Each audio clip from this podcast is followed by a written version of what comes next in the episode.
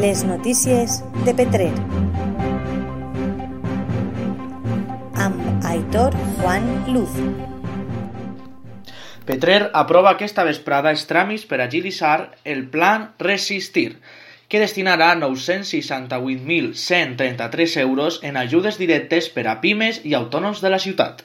Segons ens ha fet saber l'alcaldessa del municipi, Irene Navarro, aquestes ajudes són molt importants dintre de l'estratègia de reactivar l'economia al poble després de la pandèmia per la Covid-19. Per la seva part, el regidor de Desenvolupisme Econòmic de l'Ajuntament de Petrer, David Morcillo, ha afirmat que l'Ajuntament està agilitzant els tràmits i aguardant que la resta d'administracions públiques ho facin. Cal dir que l'Ajuntament de Petrer donarà 126.000 euros al pressupost total i a la resta vindrà des de la Diputació d'Alacant i la Generalitat Valenciana. Les notícies de Petrer. Amb Aitor Juan Luz.